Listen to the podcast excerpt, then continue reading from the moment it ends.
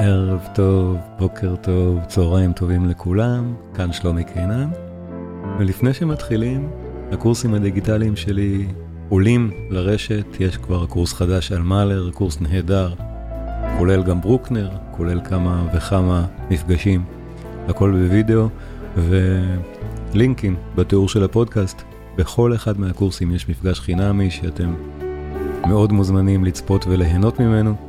ואני גם מאוד אשמח אם תירשמו בסוף, זה כל כך עוזר לי להמשיך עם התוכן הזה בפניכם. ואם אתם אוהבים את מה שאתם שומעים כאן, אתם מאוד מאוד תאהבו את מה שתשמעו ותראו גם שם. היום, פורה, הרקוויאם וקטעים נוספים. האזנה נעימה. פורה והרקבים שלו. אז uh, כמו בפעם הקודמת, uh, דיברנו על מוצרט והרקבים שלו, והתחלתי בדברים אחרים שלא היו הרקבים. אז גם היום הלחין כמו, כמו פורה, כדאי להלחין ולהתחיל בדברים אחרים שהם לא הרקבים. Uh, יש לפורה עוד כמה יצירות נהדרות, האמת שלא מספיק. אני, אני אכנס לזה גם קצת. אבל יש עוד כמה וכמה יצירות נפלאות של פורה. והוא מלחין שבאמת, מי שמכיר אפילו רק את הרקבים, מזהה שהצליל הוא מאוד מאוד מיוחד. אה, באמת פורה יש לו צליל מוזיקלי מאוד מיוחד, וגם מי שמכיר את הרקבים יודע שזו יצירה מאוד אה, שקטה, או מאופקת יחסית. ודאי שיחסית נגיד לרקבים של מוצרט או של ורדי, זה סדרת הרקבימים שאנחנו בתוכה כרגע אחרי יום הולדת של מוצקה. ופורו באמת מלחין, מלחין מאופק מהסוג הזה בכל, בכל היצירות שלו, ואנחנו נשמע, האיפוק הזה הוא יפהפה, ויכול להיות שזה גם עניין צרפתי, כי אנחנו מדברים פה על בית הספר, על האסכולה הצרפתית, ש, שפורו הוא חלק ממנה, ואנחנו אה, יודעים שהסביבה המוזיקלית בצרפת, ודאי שבתקופה של פורה, אנחנו מדברים על הסוף של המאה ה-19, התקופה הרלוונטית להיום, פורה הוא גם מלחין אה, מקביל בתקופה פחות או יותר למאלר, נגיד. הוא נפטר אחריו, הוא נפטר בשנות ה-20 של המאה ה-20. אבל, אה, אבל היצירות שאנחנו נדבר היום הן מהתקופה, מהעשור האחרון של המאה ה-19. אז הוא גדול מלחין את צרפת ב, בתקופה של התקופה הזאת, זה, זה זה בדיעבד אין, אין, בכלל, אין בכלל ספק. אבל אה, אנחנו בכל המאה ה-19 לא מכירים מצרפת יותר מדי נגיד דווקא סימפוניות. המוזיקה שבאה משם היא שונה באופייה מהמוזיקה שבאה ממרכז אירופה, מה, מהאסכולה שאנחנו בדרך כלל מדברים עליה, וגם נגיד מהמוזיקה שבאה מרוסיה. זה דברים אחרים קצת, והלינאז' של פורה, שלא רצה ולא היה באופיו בכלל לכתוב, להלחין אופרות, הוא באמת אחר גם מהלינאז' הצרפתי המרכזי, שעיקרו היה סביב אופרות, די, די דומה למה שהיה באיטליה. אז הלינאז' של פורה בא, מי שזוכר, עשיתי על זה הרצאה, אני חושב, לפני שנתיים כבר מולכם, על פורה. אז אה, דיברתי גם על זה. זה בא מהמורה הנערץ שלו מקמי סנסנס.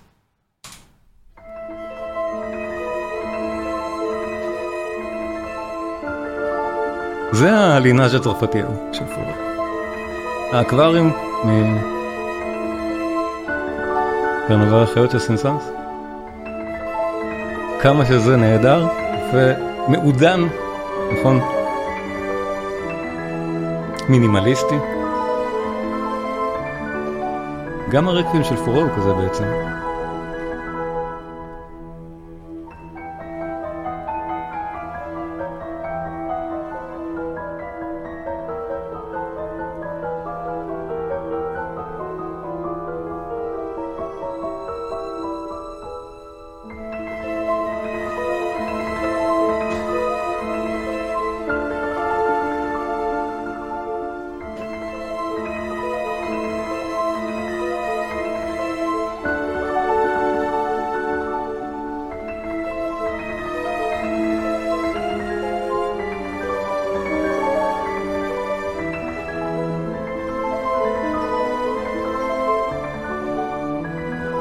אז המוזיקה שאנחנו נשמע היום היא כולה מקסימה באופייה מהסוג המקסימות הזה.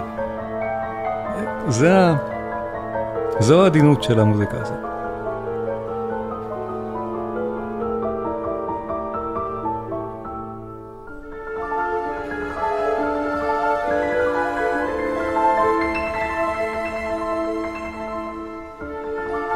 יש איזה עניין עם איכות התמונה בשידור שלי, מוטקה? אני לא, לא יודע מה לומר, אני משדר כרגיל? עכשיו זה בסדר. אה, תודה.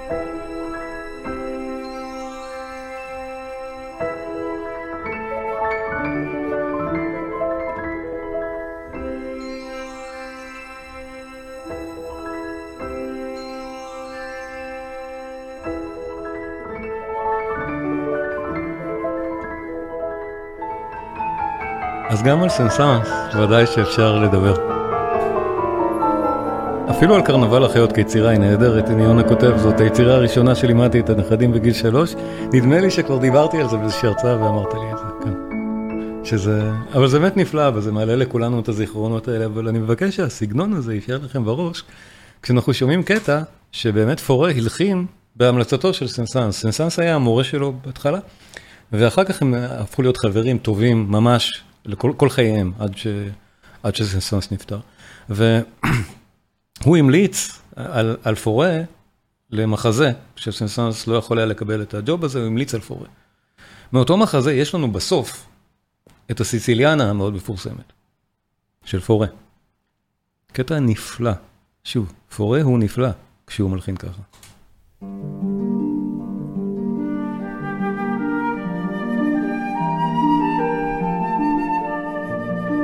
הבטחתי, המוזיקה של היום תהיה כזאת. זהו.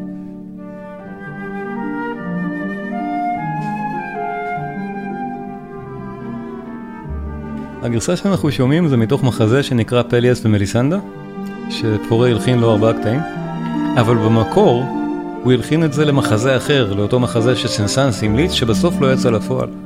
ויש גם גרסה לצ'לו ופסנתר של הקטע הזה, גרסה מאוד ידועה, שהיא הגרסה המקורית. עדיין הגרסה התזמורתית של הנבל והחליל היא נהדרת. וההרמוניה המאוד מיוחדת הזאת של פורה, הצבע הקסום שלו, שהשפיע אחר כך אפילו על ההרמוניה של הג'אז. פורה הוא מאוד חשוב במובן הזה.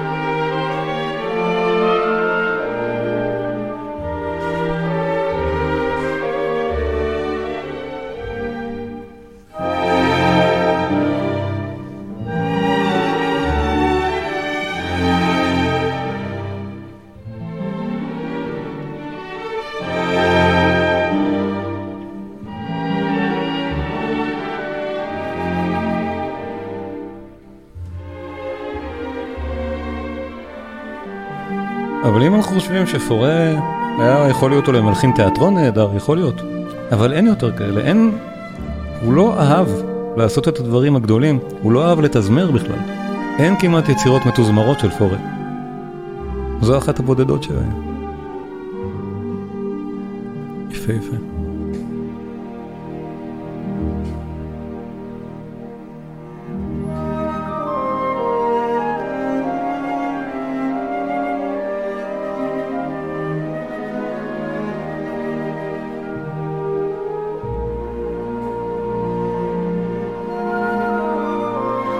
שמכיר ואוהב את הרקבים, מזהה את אותה, את אותו המרקם, את אותה האווירה. ודאי שברגעים האלה.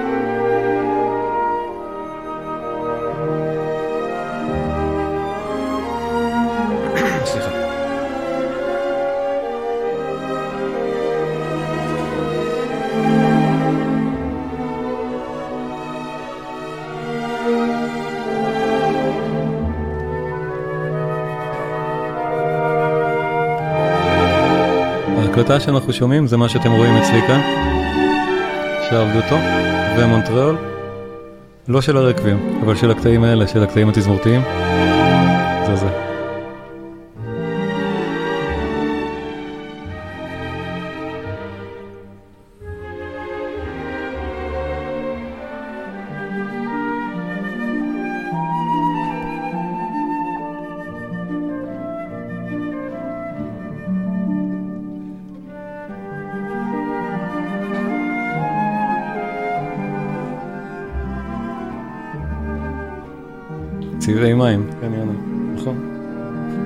העטיפה של האלבום היא בצבעי מים.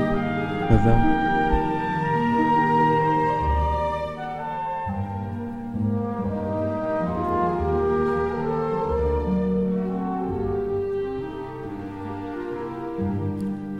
רוב חייו פורה היה מורה, אחר כך היה מנהל הקונסרבטוריום בפריז. מוזיקאי אקדמי מהסוג הזה. עיקר, המאמ... עיקר המאמץ ההלחנה שלו היה ממוקד בשירים, במסורת המלודי הצרפתי, מקבילה למסורת הליד הגרמני. פורה הוא בהרבה מובנים שוברט הצרפתי. מלחין השירים האומנותיים הצרפתיים הגדול ביותר אי פעם. זה היה, זה גם מה שאנחנו שומעים אפילו בדברים האלה, היצירות שלו תמיד מיניאטוריות קטנות. אין, אין לפורס סימפוניות או אופרות. אין לו שום נטייה לזה, ויש מעט מאוד יצירות תזמורתיות, כמו שאמרתי. השירים הם בצרפתית, ואני באמת ממליץ לכל מי שעתיד אפילו להידלק ממה שאני משמיע עכשיו, משיר נהדר של פורה, פשוט להשמיע, להאזין בספוטיפיי לאחד מאוספי, יש המון אוספים של השירים של פורה. הם פשוט מהממים. בואו נשמע אחד. גם המילים אגב, יודע איזה, איזה טקסטים צרפתיים של משוררים צרפתיים להלחין.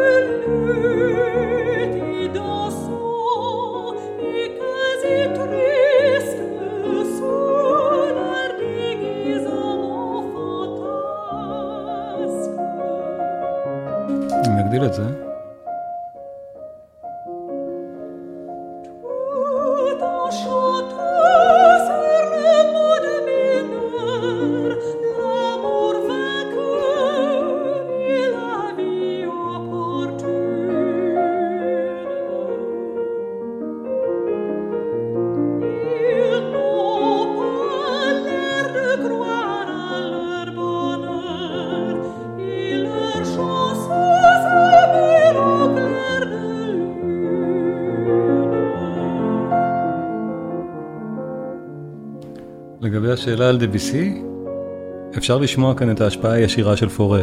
פורה היה לא מורה של דביסי, אבל מנטור, ודאי. דביסי יותר מאוחר ממנו.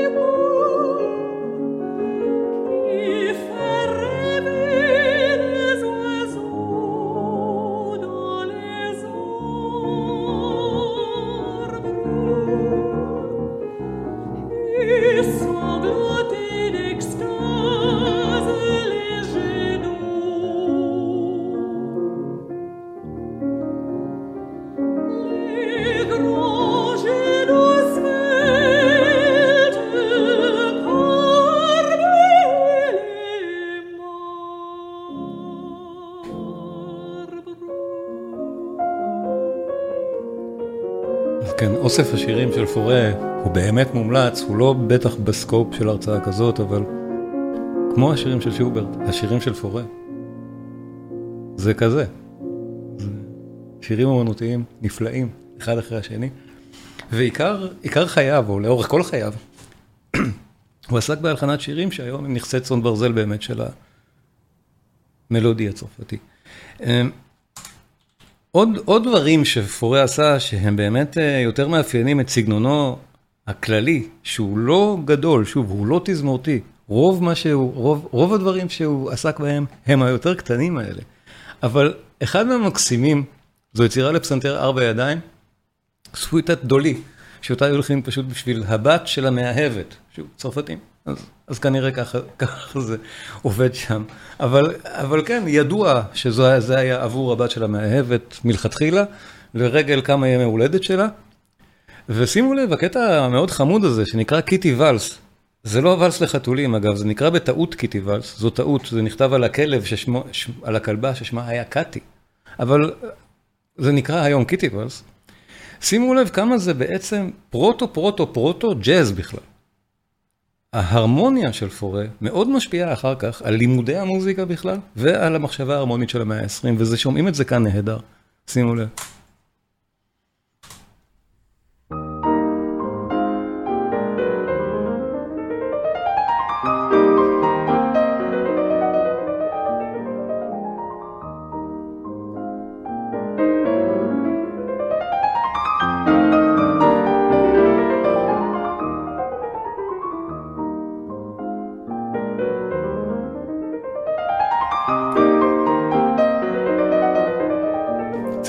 מפורסם של פורה מנגן את היצירה, פסנתר ארבע ידיים עם בת של זוג חברים שלו בשוויץ.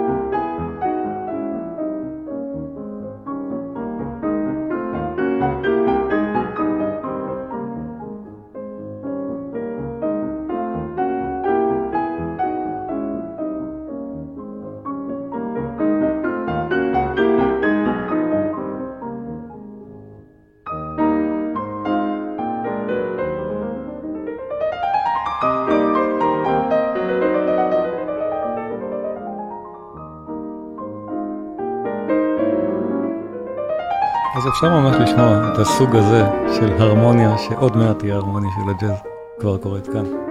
בסוויטה המקסימה הזאת של פורה, וגם היצירות של פורה לפסנתר, או לארבע ידיים, או לא, או לא יצירות לפסנתר, הן גם נהדרות, ראויות להאזנה, ושוב, אין מספיק. חבל, אבל אין כל כך הרבה, הן נהדרות. יצירה תזמורתית נוספת של פורה, יוצא דופן מאוד, שוב, ברפרטואר של המלחין, וגם עוד אחת מאלה שכל מה שהוא הלחין תזמורתי, זה יצירות מפורסמות. כל כך חבל שהוא לא עשה יותר, ושעניין אותו באמת הדברים, השירים הקטנים, אבל אחת הידועות שלהם, אני חושב, לצידו של הרקוויאם, תמיד ינגנו גם את הפוואנה.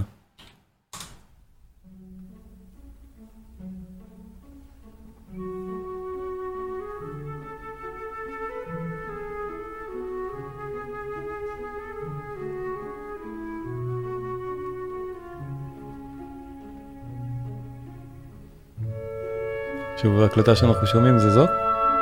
ועוד מעט אני אספר מעט על היצירה עצמה. אבל אותו קסם של המוזיקה של פורה, של הסגנון הזה שלו, המינימליסטי, המאופק, השקט והאלגנטי, המדהים הזה שלו. סטייל מלודי והרמוני שהוא רק שלו.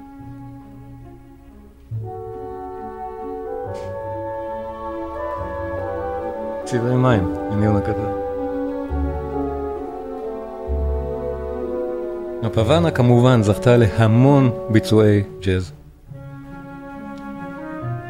אפשר לחפש בספוטיפיי, ביוטיוב.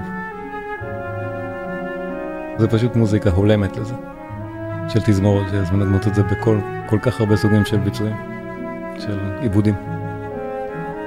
יונה כותב, הפוואנה היא תהלוכה, כן, זו תהלוכה מלכותית ספרדית. פורה מתייחס כאן לסוג מסוים של קצב, אבל ודאי שזה לא באמת מוזיקה שאמורה לחכות משהו ספרדי, זה לא קרמן. וכאן יש לנו מקהלה,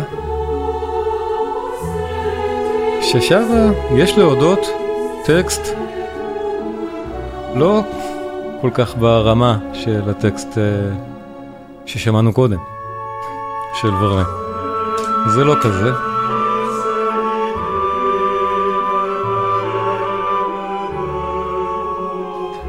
הטקסט הזה נכתב אחרי הלחן, הוא נכתב עבור הלחן.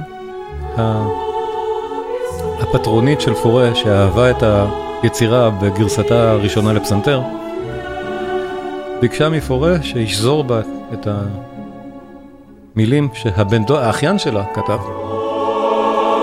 בשביל גרסת מקהלה שהיא אחר כך תוכל לתת אותה ליצירת מחול.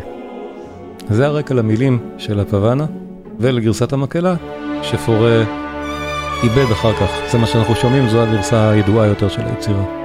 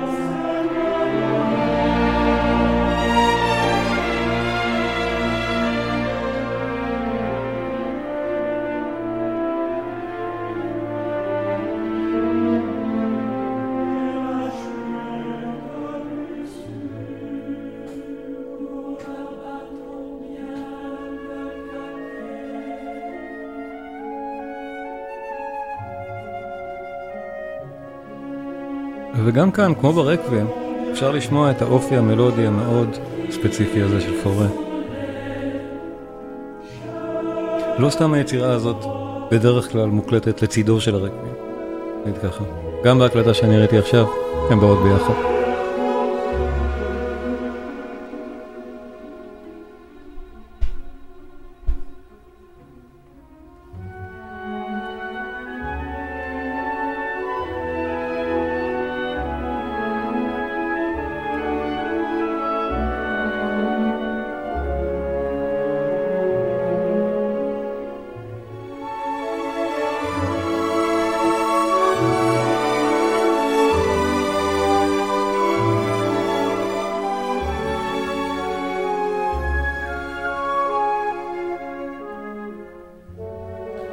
זו גם היצירה הכי גדולה שפורה תזמר.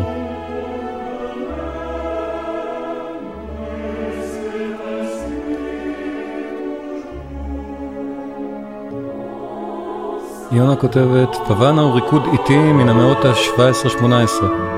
כן, זה ריקוד איטי, עד כמה שאני יודע הוא ריקוד ספרדי. ספרדי מלכותי, שוב בהקשר של פורה זה ריקוד ספרדי מלכותי.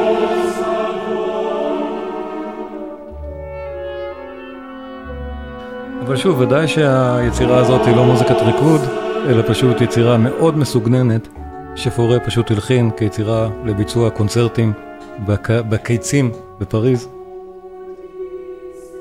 ואחר כך שזר לתוכו את אותו הטקסט. המוזיקה עצמה, בהתעלם מהטקסט המעט מעט באמת מעליב, המוזיקה היא נהדרת.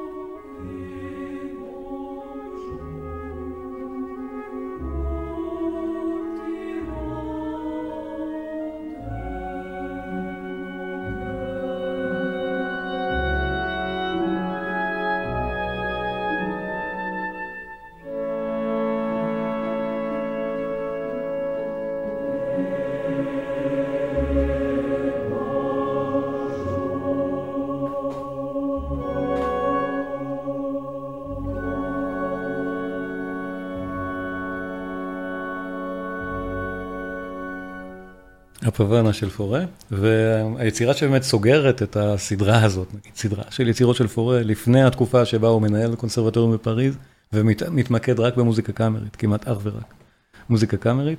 אה, כן, יונה כותב שגם רבל כתב פוואנה. השם פוואנה, שאחרי פורה הפך להיות מקובל ליצירות מהסוג הזה, הוא בהשפעתו הישירה של פורה. פורה הוא ממשיכיו אחר כך באסכולה הצרפתית, רבל ודביסי, ודאי שהמשיכו גם סוויטות ברגנזה של דביסי למשל, קשורה לשיר ששמענו קודם, יש הרבה מאוד דברים שהמלחינים האלה עשו אחר כך, וודאי שפוואנה כמילה שמתארת סוג של יצירה, לא סוג של ריקוד, בא מכאן, בא מהפוואנה הזאת של פורה. אבל הרקוויאם הוא בדיוק מאותה התקופה, מאותו הסגנון ומאותן סיבות פחות או יותר. זה לא, פורה לא הלחין אותו כי מישהו נפטר, למרות שיכול להיות שמותה של אמו כמה שנים לפני כן היה ברקע, אבל הוא לא אמר על זה אף פעם שום דבר. וגם לא כתב את זה בשום הזמנה ספציפית, והרקוויאם גם לא מיועד מלכתחילה לשום טקס, אנחנו גם נראה במילים שזה לא דומה למילים של אף רקוויאם שראינו, לא הרקוויאם של מוצרט. הטקסט לא דומה, הוא מזכיר מעט, אבל פורה מרשה לעצמו פה גם לשנות הרבה מאוד מילים, כי הרקוויאם זה לא בדיוק במקרה הזה תפילת אשכבה, אלא יותר מין תפילת תקווה. הרקוויאם של פורה הוא סוג של רקוויאם עם מסר מזוכח ודווקא אופטימי.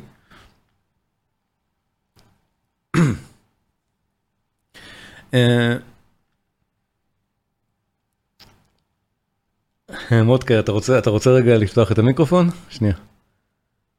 בוא דבר איתנו רגע, כן, אני אעשה לך גם spotlight. אני חשבתי שאתה תדבר על זה כמה מילים.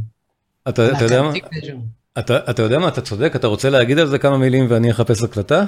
אני יודע רק שאנחנו שרנו את זה כמה פעמים, ובהרבה מאוד כנסים של מקהלות בארץ, אלה שניסו להיות ככה מקהלות יותר רציניות קצת, הם תמיד ביצעו את הקנטיק דה ז'אן גרסי, של רסי, של פורה, וזו הייתה יצירה מאוד מבוקשת ומאוד יפה.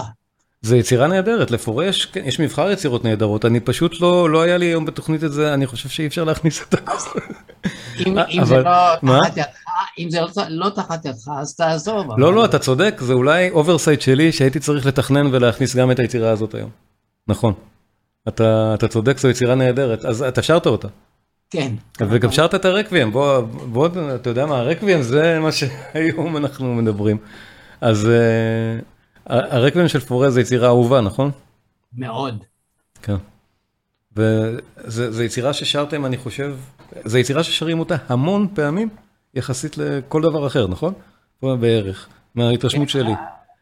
אתה גם הזכרת את זה, שזו יצירה שהייתה מאוד מאוד מנוצלת על ידי כל מיני מקהלות, כי היא יחסית קלה יותר לביצוע, הייתי אומר, המונים. כן, נכון. וגם היא כתובה בכמה סוגים של גרסאות, אני לא יודע אם זה חלק מהעניין, אבל יש גם כל מיני גרסאות לכל מיני גדלים של מקהלות. יש גם את הדברים האלה, היא מודולרית. וגם אולי אני רק אזכיר רק, שאני גם, נדמה לי שאמרתי, אבל אם לא, אז אני אומר עכשיו, שפורה אמר שהוא כותב את הרקוויאם, הוא כתב, הוא כותב, לא כי מישהו הזמין או שילם עבור זה, כי הוא כתב את זה סתם להנאתו. נכון, זה, זה, זה, זה מה שהוא אמר. לא, לא, לא יצירה שנכתבה לשום מטרה. בדיוק. הוא כתב את זה ליופייה של המוזיקה, ליופייה של הסוגה, וגם בלי כוונה דתית. וזה גם חלק מהנקודה שם, זה בלי כוונה דתית, והוא הסיר מילים מהטקסט הנוצרי, נגיד מילים כמו אמונה, הוא הסיר משם. מילים כאלה הרבה פעמים הוא הסיר מתוך הטקסט בשביל שהכוונה תהיה אוניברסלית ולאו דווקא נוצרית. זה, זה באמת מאוד מעניין. אז בוא, תודה מודקה, ובוא נשמע באמת קצת את הרקבים, ובהזדמנות קרובה אני מבטיח שאני אשמיע גם את ז'אן רוסי. תבטא, אני לא יודע לבטא את זה. תבטא, תגיד את זה רגע. קנטיק דה ז'אן רוסי, נכון? ככה אומרים. תודה רבה מודקה. אה, אתה במיוט, אני לא שומע אותך.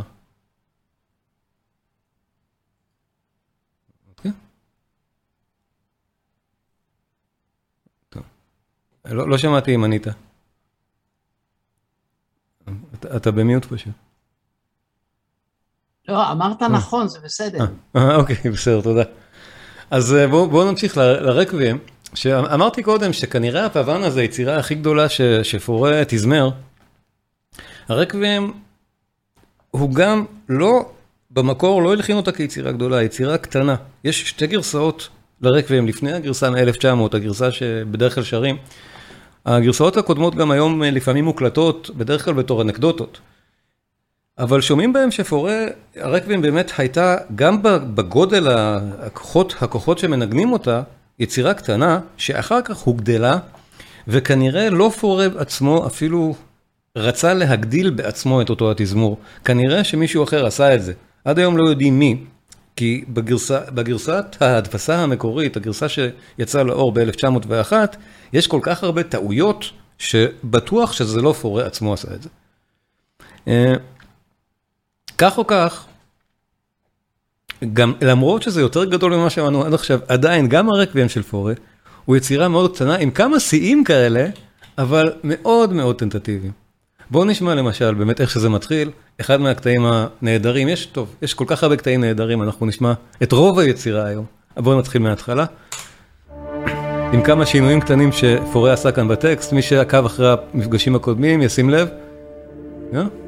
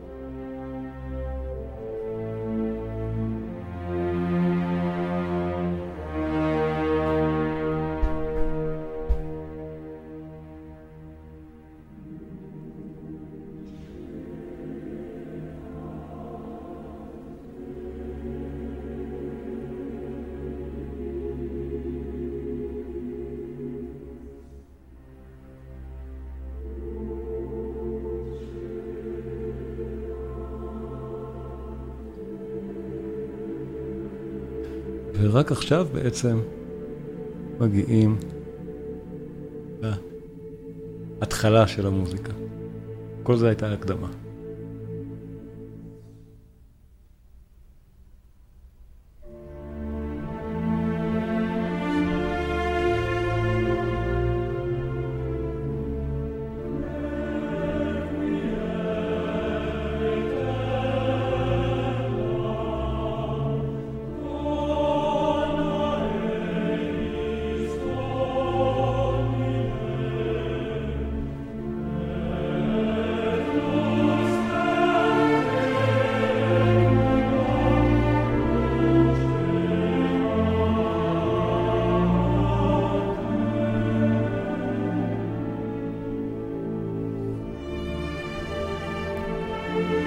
ובנושאים האלה, במוטיבים האלה ובאווירה הזאת, שמענו את פורה כבר כמה וכמה פעמים היום.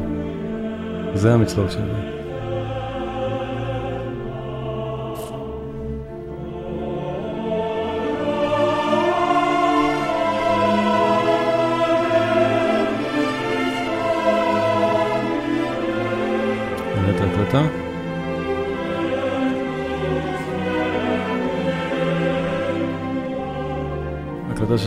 עכשיו. ערב אחד. קלטה גם נהדרת.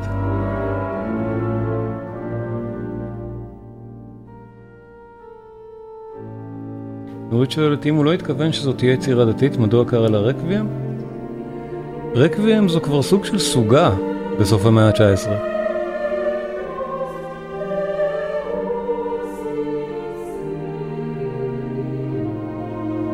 אני חושב שכבר ורדי קרא לזה רקוויאם כשברור שהיצירה לא בדיוק מיועדת לכנסיות. אבל פורה בפירוש לא כיוון אותה לכנסייה. הוא שינה את כל המילים. לא את כולן, אבל שינה המון, הרבה מאוד מילים בטקסט הליטורגי.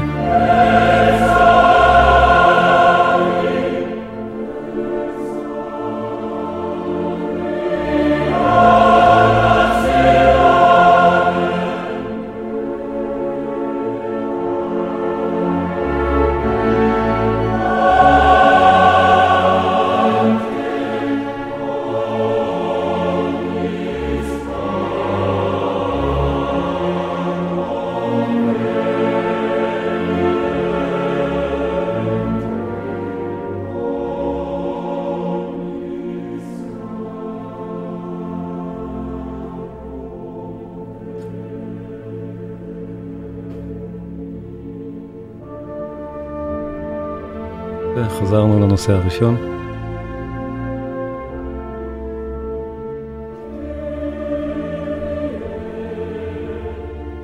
הטקסט הזה, הטקסט של הסוף, אבל הנושא המוזיקלי הראשון. וגם הפרקים האלה של הרקביהם, כל אחד הוא סוג של שיר, של מניאטורה בפני עצמו. פורה הוא, הוא המאסטר של הצורות הקטנות.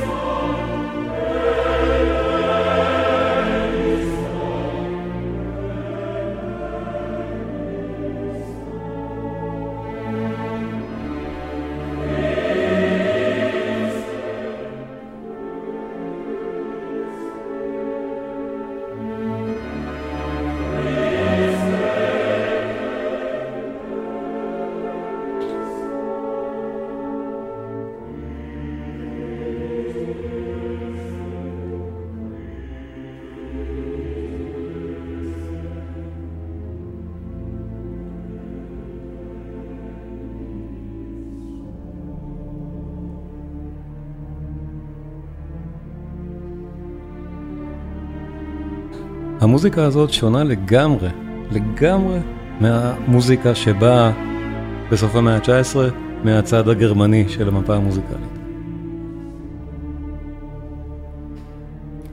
עדיין, פורה מאוד העריך את המוזיקה של וגנר, ובשפתו ההרמונית הוא אכן מושפע. במובן הזה, זה מרתק. שני המלחינים השפיעו מאוד על ההתפתחות של השפה ההרמונית אחר כך במאה ה-20. כל אחד, באמת, בדרכו השונה מאוד. אבל גם זה מאוד מאוד מתקדם מבחינת שפת הקומפוזיציה של מלודיה והרמוניה. זו יצירה כבר של המאה ה-20 במובן הזה.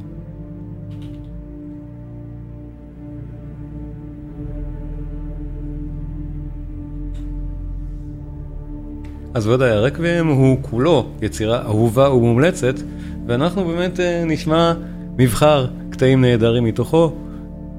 לא את כולו באמת מקוצר זמן, אבל בואו, את הפרק השני, ודאי, למה לא, עוד אחד מהיפים, ותסלחו לי, התחלתי מעט מאוחר, אז אני גם אאחר היום מעט בסיום, אבל אמרנו שזה בסדר.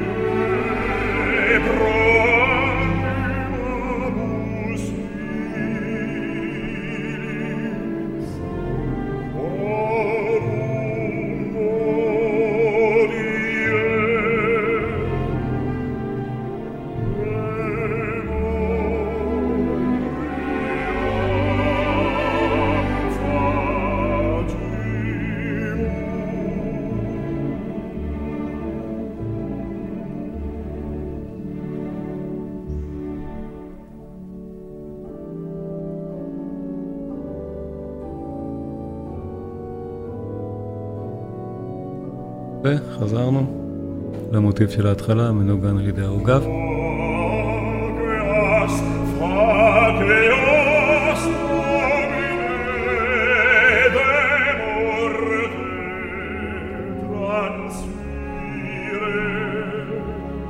הגרסאות המוקדמות יותר של היצירה, הראשונה שבהן היא אפילו בלי עוגב.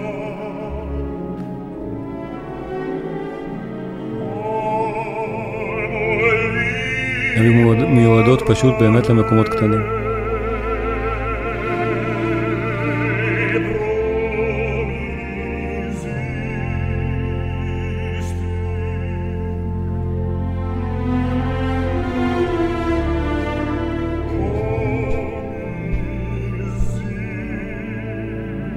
נוגה, ביקש שאני אגדיל את האותיות, אני הכי גדול שאני יכול אצלי, אבל יכול להיות שאולי ככה יראו אותי יותר גדול. ולא את מודקה, נכון?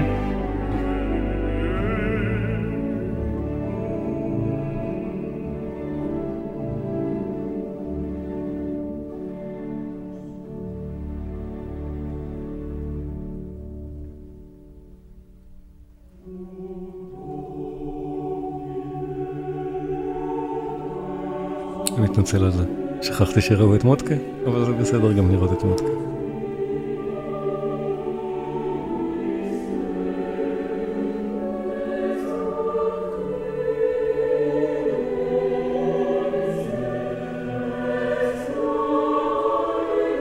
בפרק הזה ברור שאנחנו במאה ה-20. האווירה הזאת לא יכולה הייתה לקרות במאה ה-19. אנחנו כבר במקום אחר.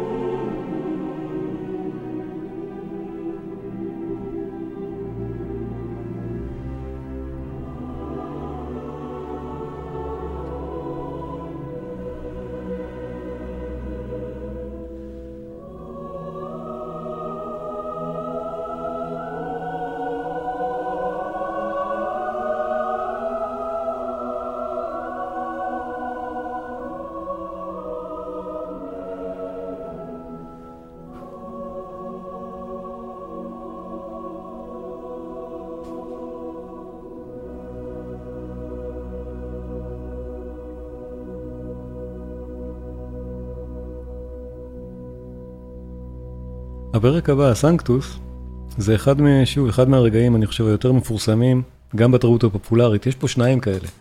גם הפרק האחרון, זה שמסיים את הרקבים. אבל גם המוזיקה הזאת זכתה להרבה מאוד הזדמנויות בקולנוע המודרני. להיות, כשאני אעשה על זה קורס אני אשמיע. הסנקטוס, בתוך הרקבים.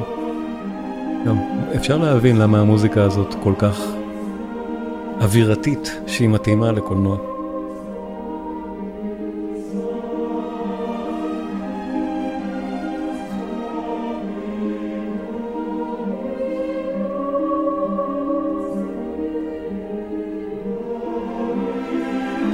וכששומעים כאלה דברים,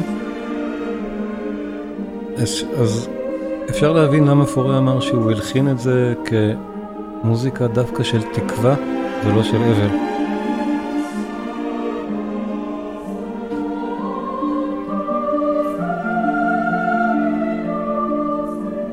יונה כותב שבסגנון המאופק זה יותר קרוב לרקבים הגרמני של ברמס, ברמס לא כל כך מאופק. הרקבים שלו זה גם יצירה מסיבית מאוד. זו יצירה באמת קטנה.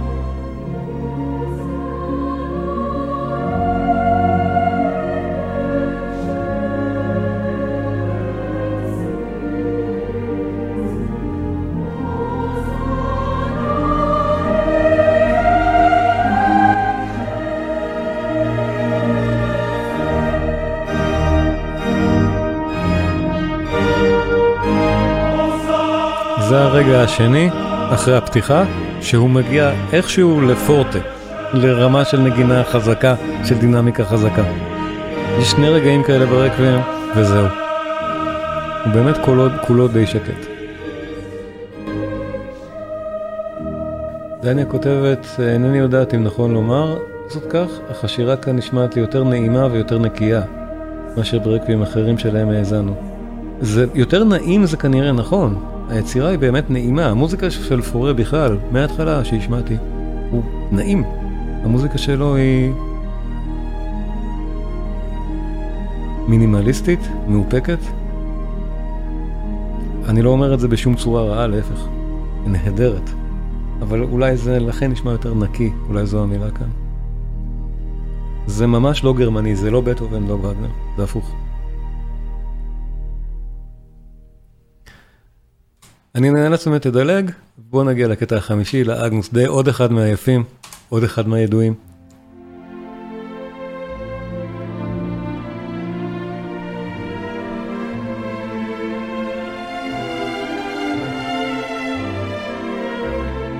וגם כאן, אותה, אותה עדינות, אותו לחן, כל כך מסוגנן, אלגנטי.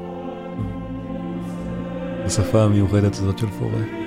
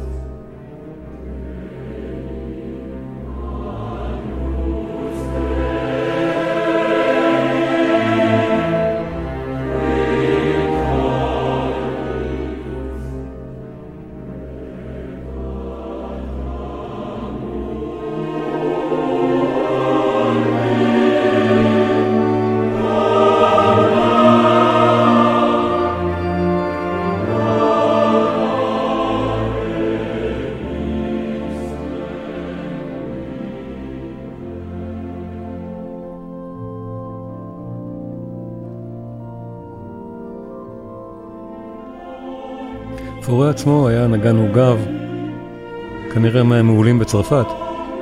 גם הוא וגם סנסנס, סנסנס היה נגן פסנתר, אחד מהווירטואוזים הגדולים בצרפת. ו... לכן כנראה יצירות הפסנתר האלה לארבע ידיים, אבל גם כאן שומעים.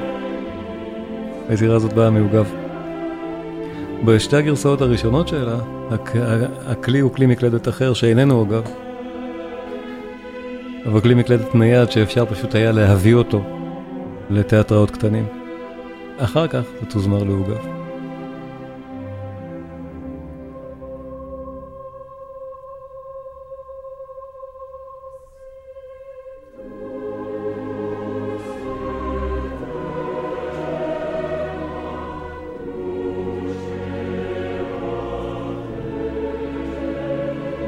כל רגע פה הוא כל כך יפה.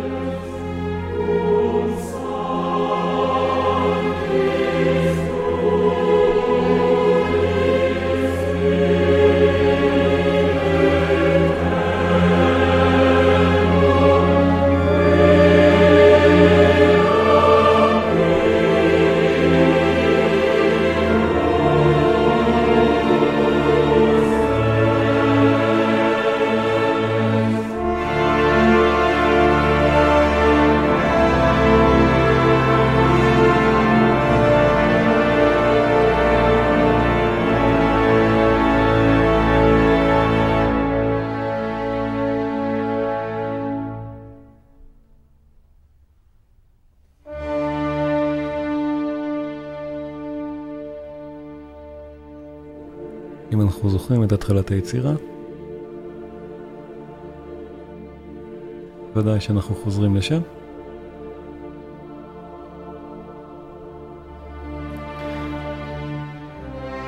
יונה ציין את הרקבים הגרמני של ברמס, היצירה בנויה מאוד מאוד דומה. וגם הרקבים הגרמני של ברמס זו יצירה חילונית במפגיע. זה נכון. אבל מבחינת המבנה של מה, ש... מה שפורה בחר להכליל כאן, סדר הפרקים וסגנונם, זה באמת, המודל הוא הרקבים הגרמני של ברמס. ודוגמה טובה זה החזרה של המוטיב הזה כאן. החזרה של המוטיב מפתיחת היצירה, של הפתיחה של הרקבים, שחוזר כאן, שהוא דבר שלא עושים ברקבים אחרים בדרך כלל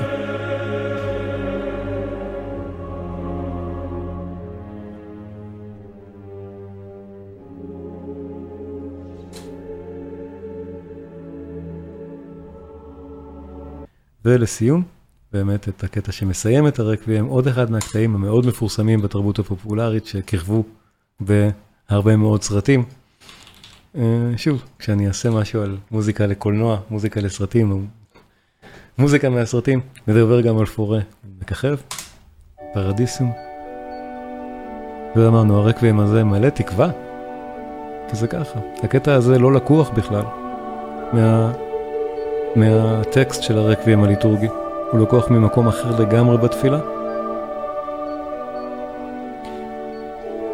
ופורה הכניס אותו לכאן פשוט בגלל שזה המסר האופטימי שלו יחסית.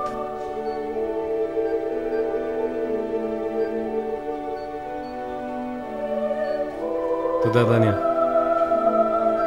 זה באמת נשמע כמו שירת מלאכים.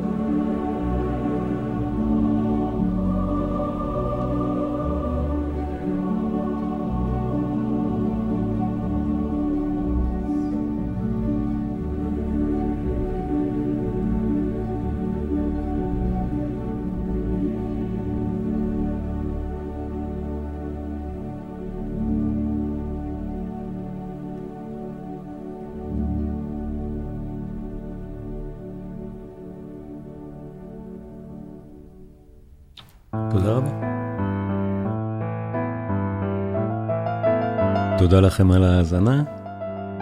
אני חוזר, הקורסים הדיגיטליים שלי עלו לרשת, עולים לרשת, מאלר עכשיו הצטרף, קורס נהדר ומאוד מאוד מומלץ. חוץ מזה יש גם את באך, מוצרט, וגנר, בטהובן. יש כבר תוכן מגוון ומאוד מעמיק שם. אשמח אם תבדקו אותו, זה כל כך עוזר לי גם להמשיך עם הפודקאסט ועם התכנים ביוטיוב עבורכם. אז צפייה מהנה. קישורים בתיאור של הפודקאסט. נשתמע.